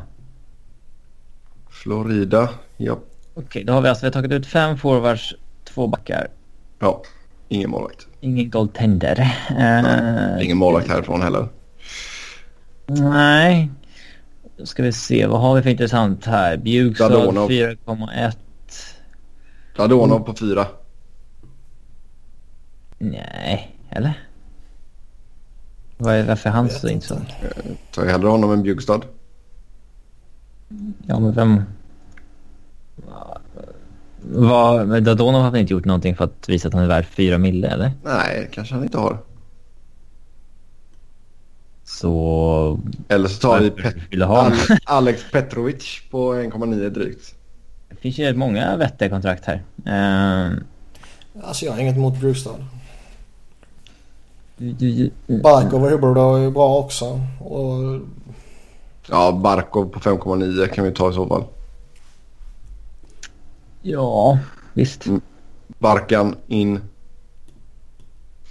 Vill vi ha någon annan eller nöjer vi oss där än så länge? jag kan tycka vi kan nöja oss så länge. Mm. Mm. Boston går vi till då. The Bruins. Okej. Chara på fyra är ju tokgivet faktiskt. Ja, då har vi en given första back. Veto. Och lagkapten i vårt lag också. Crow, han är bättre... Veto. Nej, för fyra miljoner. Det är klart vi tar in honom. Ja, okej. Fine. Ett Köra av in. ligans bästa kontrakt. Tyst nu. Eh, Ska vi smälla in lite pengar på Marchand eller Pasternak? Marchand känns väl jävligt lockande. 6,1. Pasternak är dyr. Ja. Ja. Och vi har Bergeron på 6,8. Ja, nästan 6,9. Ska man bränna ett ELC här? På... Charlie McAvoy? McAvoy. Ja, Så då tar jag hellre Nylander. Jag har Alltså- inte sett av McAvoy. Nej. Eh, det finns ju tre. Vi har redan tagit en så vi måste inte ta en till. Men Marchand, Bergeron och Pasternak är alla tre intressanta. Mm. Eh, Mm. Vi har redan tagit tre centra så man kanske kan räkna bort Bergeron. Ja, då tar vi Eh. Marchand, tycker jag. Ja, eller? Ja, Marchand går in där. Ehm, vi går till Montreal. Montreal. Right, här finns lite gött. Vad gör man med Price här? Ja, du. Alltså vi skulle kunna ta Price och sen en riktigt billig backup. Vi tar ju Brandon Gallagher på 3,75. Ja. Mm. Och sen så tar vi ju Pacioretty på 4,5. Det håller jag med om. Ja. Och sen tar vi Galchenyuk på 4,9. Då har vi alltså nio forwards klara. Ja. Vad har vi mer? Här kan vi dock... Backar här. De har usel backsida. Katastrof verkligen. Men eh, om vi vill kunna lägga in en Hedman kanske. Vi ska alltså lägga 1,1 på en Jordy Ben kanske. Eller eh, 2,1 på Schlemko är också ja, ganska billigt. Mm, då sparar jag nog den miljonen och tar i Jordy Ben faktiskt. Ja, det håller jag nog med. Ja. Då pillar vi in Jordy Ben. Eh, vill vi ha någon annan härifrån? Vill vi ha Care Price i kassan eller? Vi har 27 miljoner cap space kvar. Vi ska Alltså ta hur, ska- ja. Är det 6,5 eller 10,5? Det är 6,5. Det är det Ja, för denna då- säsongen. Nej men det är fusk. Det är inte alls fusk. Det är fusk. Det är inte fusk. Det är för denna säsongen. Ja men det är ju fusk. Han är ju signad. Ja, jag är nog lite påblind där faktiskt. Bu. Vi kan komma tillbaka till målvakten kanske. Håller oss inom de parametrarna vi har och det är för denna säsongen liksom. Han är 6,5 denna säsongen så vi får väl lösa det i sommar sen liksom. Det är inte mer med det. Ja men det är ett loophole du Ja. utnyttjar då. Det. Ja, och det är det en bra GM ska göra också. Det är att använda loopholes. Ja men då tar vi Jack Eichel nu på 900 000 då. Eller hur? kan vi också göra. Nej men sluta. Det får vi inte göra. Ja, Här? Nej, vi går vidare så länge. ja. Buffalo då? Mm. Det är fan inte mycket intressant på forwardsidan. Nej. Uh, Semgus kanske? 1,6.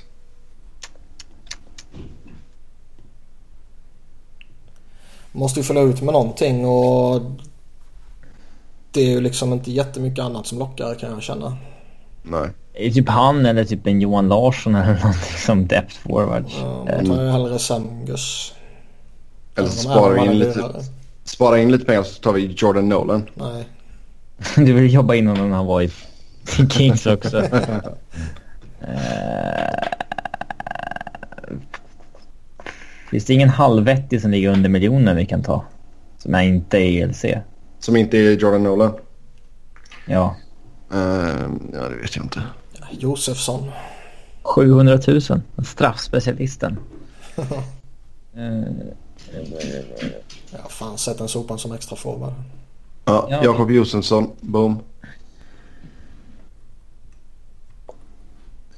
Okej, då behöver vi alltså tre forwards till. Har vi tagit alla lagen? Ja, det har vi. Ja, tre backar och två målvakter och vi har 26. Ska vi försöka jobba in Hedman eller? Ja... Eh, Sätt in honom och se vad, hur vi jobbar runt det. Ja. Eller? ska, ni, ska ni inte ta Strålman på 4,5 då också? Jo, det kan vi. ja. Hedman och Strålman in där då. Okej, då har vi första på... Då har vi strax under 14 mille kvar. Då behöver vi bara en back till. Gärna någon halvhygglig i och med att vi har Jordi Ben och Dochin i en tredje. Får gärna vara någon som kan lira. Fan, det är inte mycket bra. Vi måste kanske ta målvakts... Men alltså har vi Hedman, Karlsson, Strålman, Chara i topp Ja, vi 4. behöver inte ha någon målvakt då. Har six mot five hela tiden.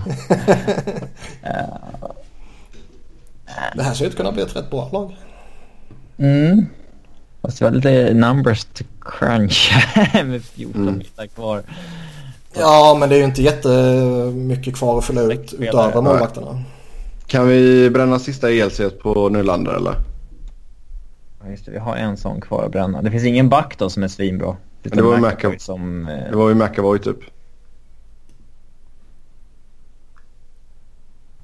Eller kommer ni på någon annan så här på rakan? Sergachev. Ja, exakt. Så. Ja. Men... eh, Och då tar jag nog hellre McAvoy. mm, Om det är det som är alternativen. Jag tar ju hellre Nylander före eh, båda dem. så det, vi har ju en... Ja, en jävla bra forwardscore. Alltså, alltså vi behöver ju en bra back. På vår sidan är ju rätt sätt. Ja. Vår topp 9 är ju tämligen jävla bra. Mm. Ja, men då tar vi McAvoy då. Ja, jag skulle nog luta mot det. Ja, då pillar vi in McAvoy. Boom. Då är backsidan klar. Mm. Då behöver vi tre forwards till Och två Och- målvakter. och två målvakter. Okej, alltså ska vi ta målvakter nu Lag för lag, vad har vi för alternativ? I Toronto så har vi Fredrik Andersen. Andersen på fem och Picard på en.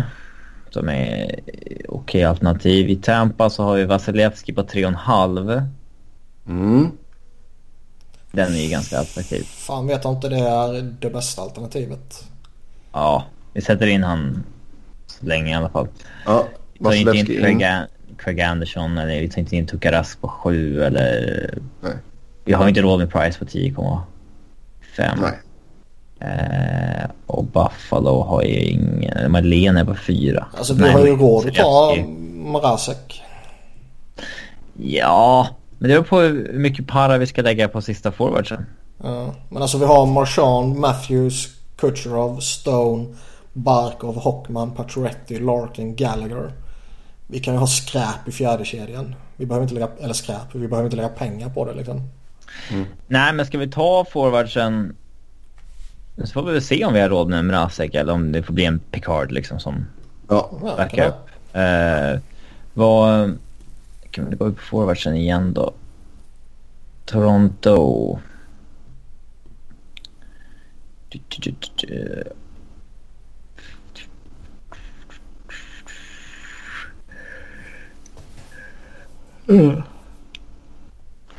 Josh Leivo kan man ju Zach ta bara för att han är jävligt billig. Vem då? Josh Leivo. Lever- Drygt 600. Ingen superspelare på något sätt men han gjorde ändå lite poäng i AHL. Kan vi pilla in Zach Hyman på 2,25? Ja, det skulle man ju faktiskt kunna göra. Ju lä- gärna lagt in Anathanasio på det han vill ha. Men han är inte signad. Nej. Nej. Men fan ta Hyman då. Ja, in med Hyman. Hyman. Två forwards till. Och en målvakt. Och vi har strax under 8 miljoner att röra oss med. Har vi någon annan rolig billig forward? Eh, Boston, har de kvar någonting av värde?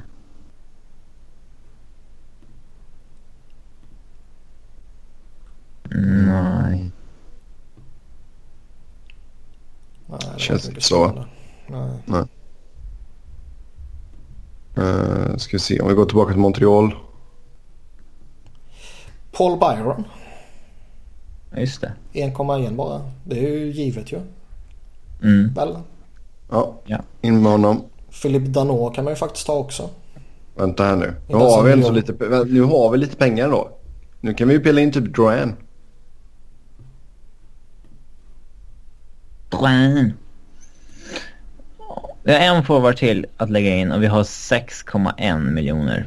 Ja, lägger vi in Drouin. Men då måste vi hitta en Ah. målvakt på Så hittar en mål 600 600 000. 000. Ja. Eh, nej, vi har ju råd att lägga någon, alltså någon kring 5 miljoners strecket nu. Om vi vill. Mm. Om vi nöjer oss Ja. med en Picard eller någonting som tvåa. Klas Kenjak. Är inte så jävla sexig alltså. Men uh, gå tillbaka till Palat då. Ja, Palat, Palat. Ja, vad satt han på? Så då måste hitta mål på under 800 va? Palat ligger på 5,3. Det är lite... eh, Lite för dyrt. Uh, Namestnikov. Inte ens 2 miljoner.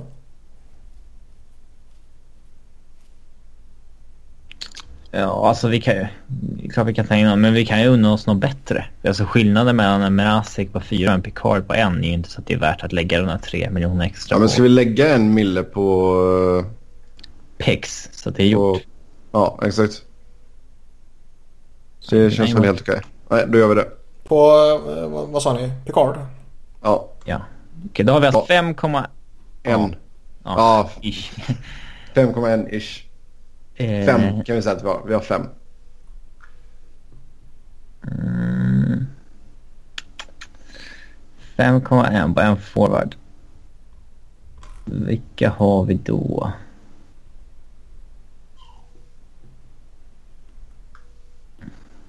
Trocheck.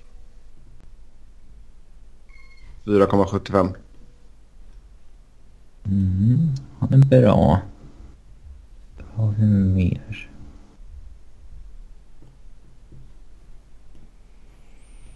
Det får nog bli mitt val där tror jag. Har du någon vassare Niklas? Tyler Johnson. Ja, Tyler Johnson på fem är också lockad där. Ja. Robin, du får lägga avgörandet där då. Trocheck eller Tyler Johnson? Uh, Trocheck Mm. kanske. Och pillar vi in honom där. Eh, Niklas, läs upp våra kedjor. Jag ska hitta Trocheck bara. Nu har jag lagt in honom. Uh, vi har Brad Marchand, Austin Matthews och Nikita Kucherov i första kedjan. Och sen har vi Mark Stone, Alexander Barkov och eh, Mike Hoffman i andra. Pacioretty, Dylan Larkin, Brennan Gallagher, Zach Hyman, Vincent Trocek och Paul Byron. Sen Jakob Josefsson som extra. Backsidan med Hedman Karlsson i ett OK första par. Hedman frågetecken med tanke på att han är bra på allting. Eh, Chara Strålman i andra. Eller sätter man ihop eh, Tampaparet kanske? Nej. Eh, Jordy Ben och Charlie McAvoy i tredje och sen Jake Dutch en extra back. Eller man kanske hellre spelar han med Man kör ju Boston-paret med Chara McAvoy, sen Tampa-paret med Dutchen Strålman. Jordy Ben och Karlsson alltså. Ja. och sen Vasilevski och Picard i målvaktspositionerna. Och jag känner det är ett rätt bra lag. Ja, Ja, mycket bra lag. inte någonting att klaga på där. Mm, bra gjort, bra gjort. Uh, ska vi se. Bra gjort. Ska vi se. Nu så. Oh, experter är en stor del av bevakningen i NHL. Ta grepp på detta i podden? Frågetecken. Mer än bara slentrianhata på svensk NHL-bevakning alltså. Vad är dåligt? På vilket sätt? Vad är bra? Etc. Vore intressant att höra era synpunkter mer ingående och uttömmande. Så ta ett djupt andetag nu Niklas. Bra gjort. Och kör. Va, eh, om vad då? Nej, alltså vad är det som är dåligt? På vilket sätt är det dåligt? Vad är bra? Etc. Alltså grejen är så här att oavsett vart vi kommer, är vi ett hockeyintresserat land som Sverige eller Kanada, till viss del USA också, så finns det alltid vissa skribenter som har en plattform och vi kan väl ta, vad ska vi ta för exempel? Uh, ska vi ta Campbell som exempel till exempel? Till exempel, till exempel.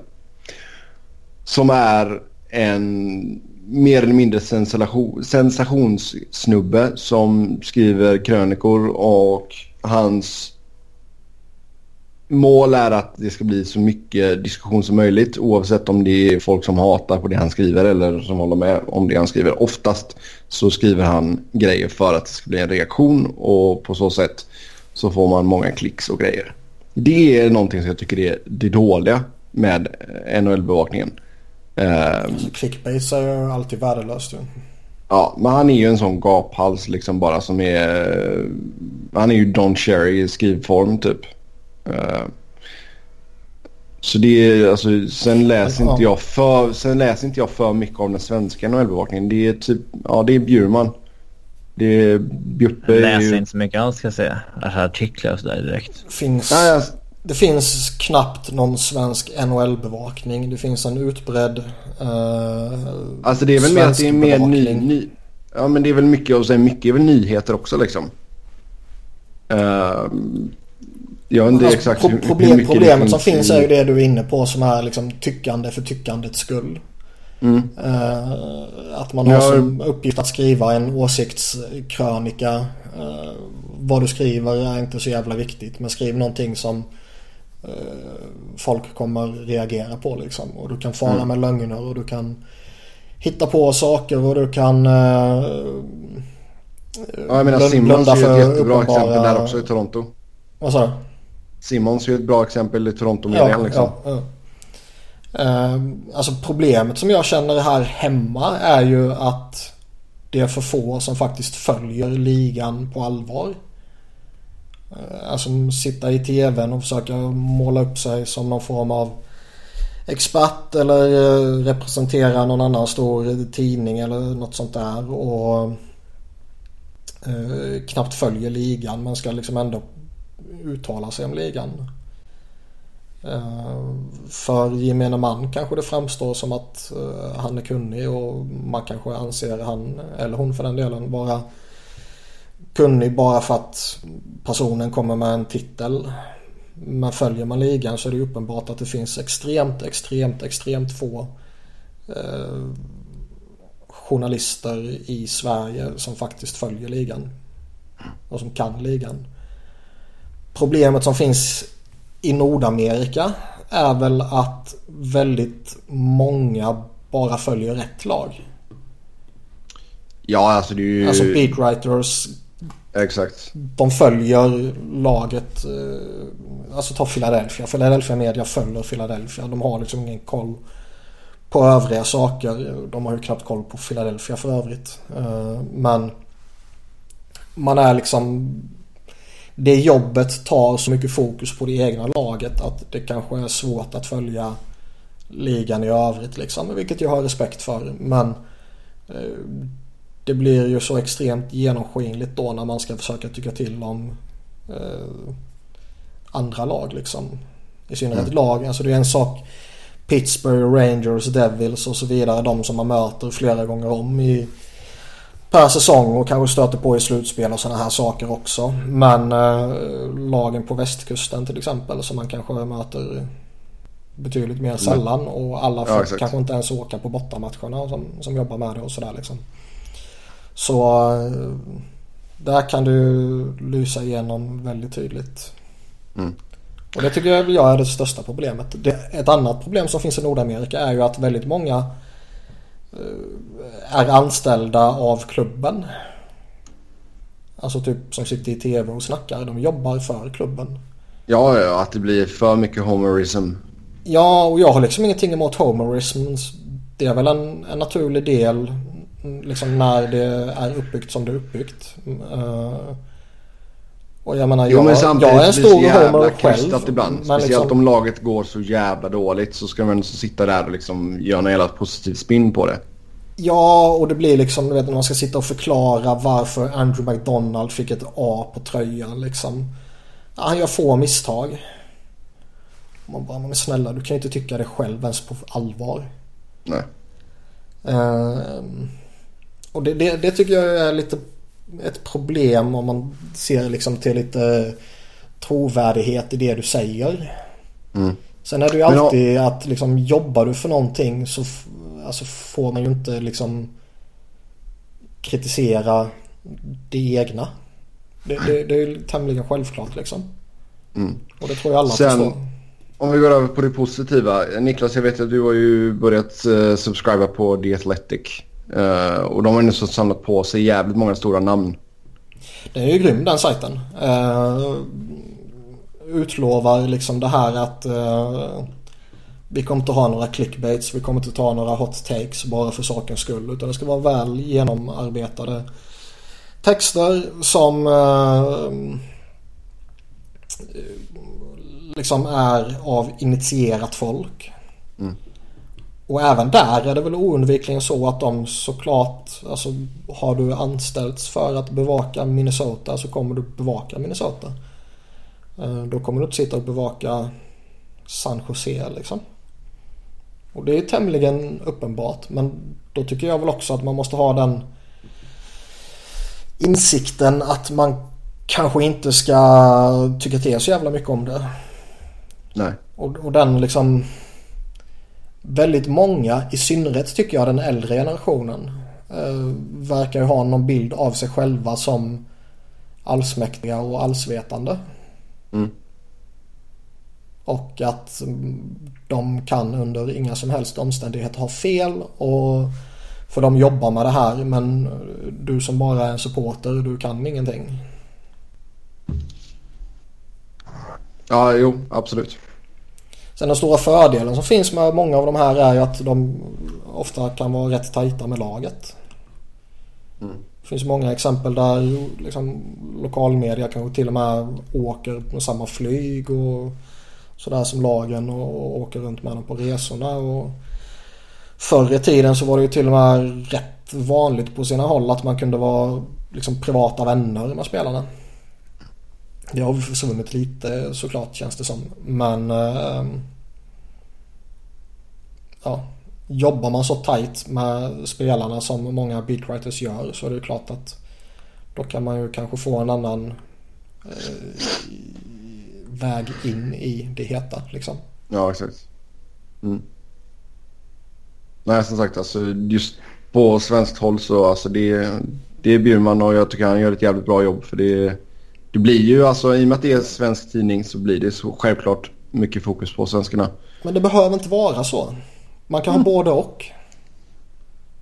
Jo men här... Alltså, nu, titt, här nu tittade jag till exempel på... inte på SVT-sändningen här för jag var inte hemma. Och skulle jag varit hemma skulle jag inte titta på den heller för den delen i och för sig. Men... Nej det var bara prat om Jesper Bratt hela tiden. Ja exakt. Och det, det kan man ju göra givetvis. Alltså, han, han är ju ett intressant samtalsämne. Ja, han är Även om han skulle varit... än Nico Hischier och Nej, nej, verkligen inte. Men liksom prata om Bratt. Det är ju fullt legitimt att göra det även i en tjeckisk NHL-sändning liksom. Mm. Uh, mm. Så det är inte så att man bara måste strypa det. Men uh, att lägga all fokus på sådana saker det är inte att bevaka NHL.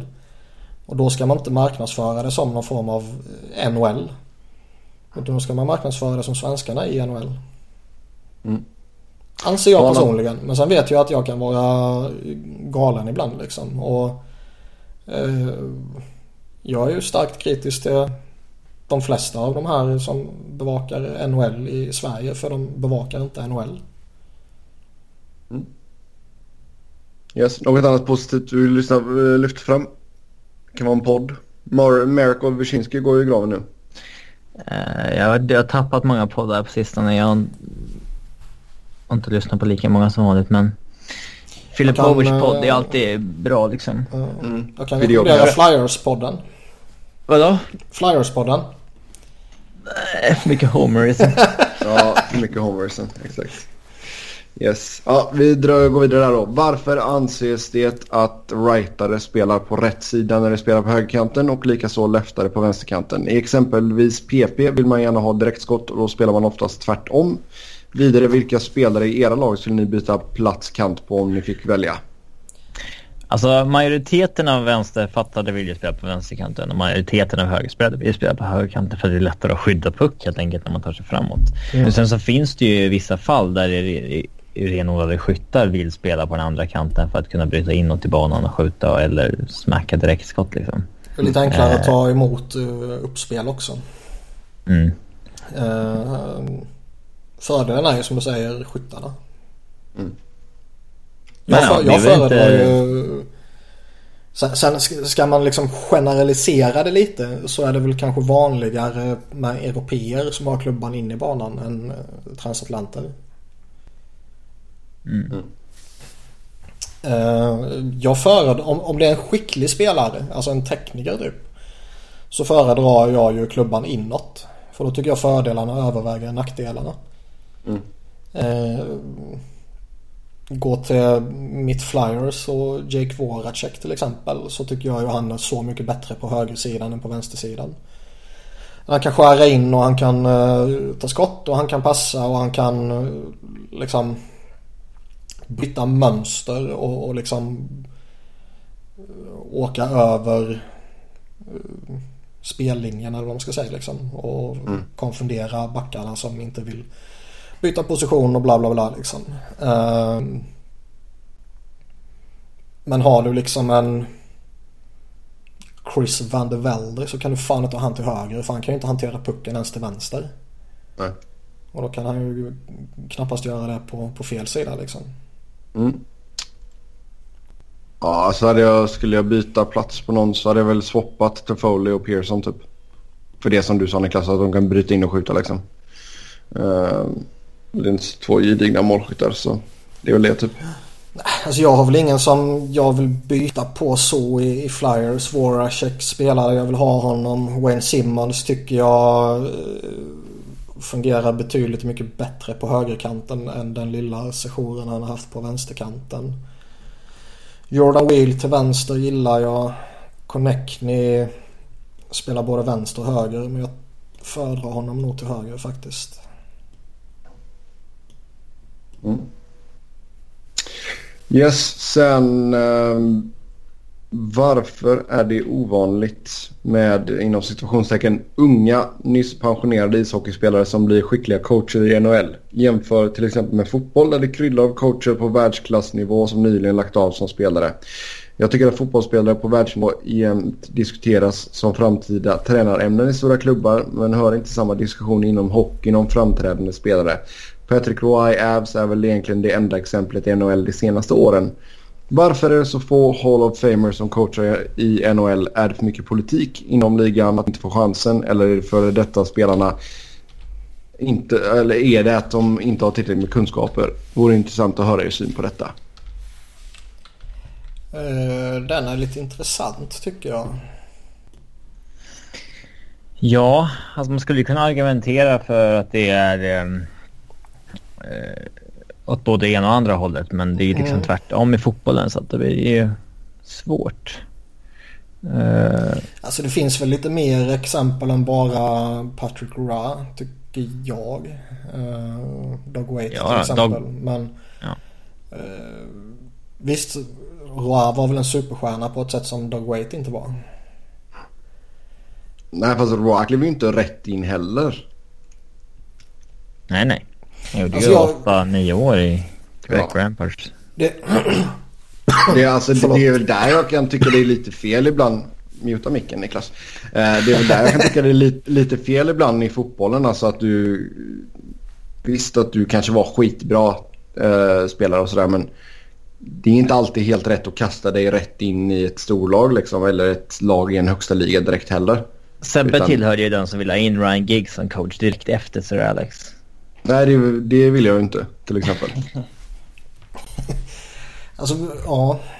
Många hockeyspelare när de slutar verkar ju vara väldigt trötta. Trötta. Ja. På, på liksom allt vad det innebär att vara professionell spelare i NHL med resor och man är borta ja. och hela det här ja. köret. Och, eh, Oftast behöver de inte pengarna heller. Alltså det är ingen... Nej, och, och eh, liksom som coach så får man väl kanske lägga minst lika mycket, kanske till och med mer tid än vad spelarna lägger. Mm. Och du är liksom borta lika mycket och, man måste förbereda massa saker och så här. Så ska man förenkla situationen lite så kan ju en spelare typ komma till träningen, byta om, träna och åka hem igen. Uh, riktigt så kan ju inte coachen göra. Så den är nog rätt tidskrävande och har man då en 12 år bakom sig i ligan där man har under 8-10 av de åren varit borta från en familj väldigt mycket så kanske man vill lägga flera år på att liksom ta igen det man har missat så att säga. Jo. Jo, och har, man väl, har man väl kanske då kommit bort från det så kanske man känner att äh, jag har inget behov av att ta mig in i det igen. Jo. jo men sen har vi alltså det är ju mycket, mycket samma. Så det har varit lite tränarkarusell liksom. Att det har varit en grupp tränare som liksom hoppar runt så att säga. Och det är ju bara, ja nu har vi 31 lag i ligan. Det är, det är inte jättemånga liksom Nej alltså jämfört med fotbolls-Europa där uh, du har många lag i många ligor i många länder. Ja. Så det är jag tror inte att det är någonting som vi kommer se en ändring på heller. Liksom. Och jag tycker det kan vara bra om en spelare då går och bestämmer sig att ja, nu ska jag bli tränare. Ja, men fan kanske är bra att ta något jobb som assisterande i, i AHL först eller om du tar någon, något juniorlag eller någonting. Och jobbar upp och det är ju lite samma känsla som jag har inom fotbollen också. Liksom. Sen finns det klart att det finns alltid tränare som gör det bra. Jag menar Zidane har gått in och gjort det skitbra i Real men det är Real också. Fast jag tror, jag, jag tror inte man kan, just Real Madrid tror jag inte man kan liksom förpassa med att nej men det är Real Madrid, där kan vem som helst göra det bra. Jag tror det är en extrem nej, jävla utmaning. Ja, det är klart det är. Det är många egon i det jäkla omklädningsrummet. Ja. Och då är det ju bra att de, du har en kille som har den pondusen som Zidane har liksom, och det CVt. Men även han tog Sen... väl något år i B-laget först. Ja. Ja, längre än så tror jag. Sen har man ju Men sett det finns alltså ju fler jobb fram... inom fotbollen. Ja, alltså det finns ja. ju betydligt fler ingångsvägar upp också. Alltså hockeyn, det finns juniorligan, det finns AHL och NHL. det är inte så att en nordamerikansk coach kommer börja jobba i ECHL eller någonting. Alltså, Nej, eller att det, det finns lite colleges och sådär också. Men alltså, Europa liksom. ja. Det, mm, ja, det händer ju inte heller eftersom det är så annorlunda typ av Mm. hockey och så vidare oftast. Sen verkar det oftast finnas, den, lite som Sebbe var inne på det här att det är tränarkarusellen. Många lag verkar ju föredra någon eh, något säkert, eller vad de upplever rättare sagt som säkert kort. Eh, istället för att ge det till någon som man inte vet vad han har gjort liksom. Nej, exakt. Sen att du har varit en bra spelare betyder inte att du blir en bra coach. Kolla bara på Wayne Gretzky.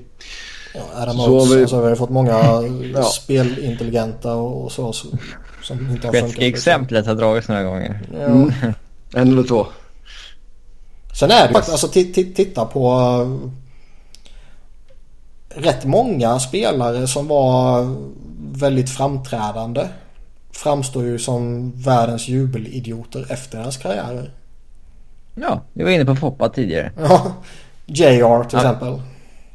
Ja men alltså många, Eh, man går ju runt i någon tro om att liksom de bästa spelarna kommer vara liksom de man tycker är jävligt imponerande att kolla på. Så att det- att det kommer vara smarta killar gång också. Men eh, vi, vet- vi vet ju inte om Austin Matthews till exempel. Han kanske på riktigt tror att Matt Martin liksom, Gör laget bättre. äh, ja så här lyfter deras lag. Liksom. Alltså, som, som han har varit ute och snackat om. Han kanske inte bara säger för att vara schysst liksom. Han kanske har är den i filosofin. Yes. Vi vet. Eh, vi går vidare. Är detta säsongen då Varlamov är med i racet om Vezina Trophy? Imponerande start även om det är en liten sample size. Han har ju vunnit en gång. Eh, men det är jävligt svårt att vara målvakt i Ävs alltså. Det är svårt att vara målvakt i alla lag, framförallt Ävs. Såg man hur det, såg man matchen mot Rangers så är liksom det frilägen och odd-man rushes hela, hela tiden. Mm. Men visst, han har stått två matcher nu och varit bra. Så det, det är ju väldigt bra. Så Eh, han är ju en jättebra målvakt i grunden. Det är väl lite skador och skit som har satt käppar för honom här mot slutet. Ja, alltså... eh, Skulle någon rangordna Mark inför den här säsongen så skulle nog inte många haft med honom på topp 10. Men eh, skulle man... Eh, många hade nog haft med honom på topp 5 om de gjorde det efter 13-14 säsongen. Så det är lite hyckleri sådär ja. Mm.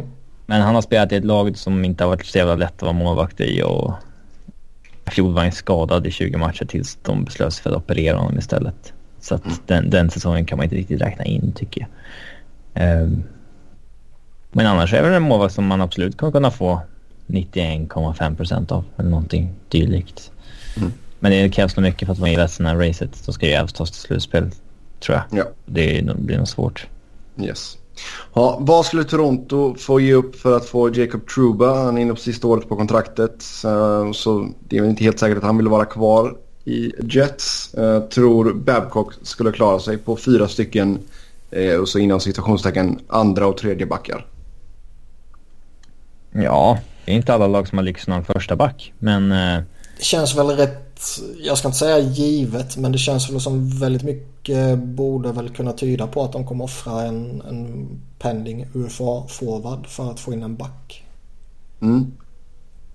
Vem skulle vara... eh, JVR. Alltså- Ja, JVR. JVR känns så jävla uppenbart eh, på alla sätt och vis. Eh, Men är det en spelare som Jets eh, kan vara jättesugna på? En jättebra spelare. Borde många vara ja. sugna på. Eh, Han snittar nästan 30 mål igen alltså när han gick till Toronto. Det är jättebra.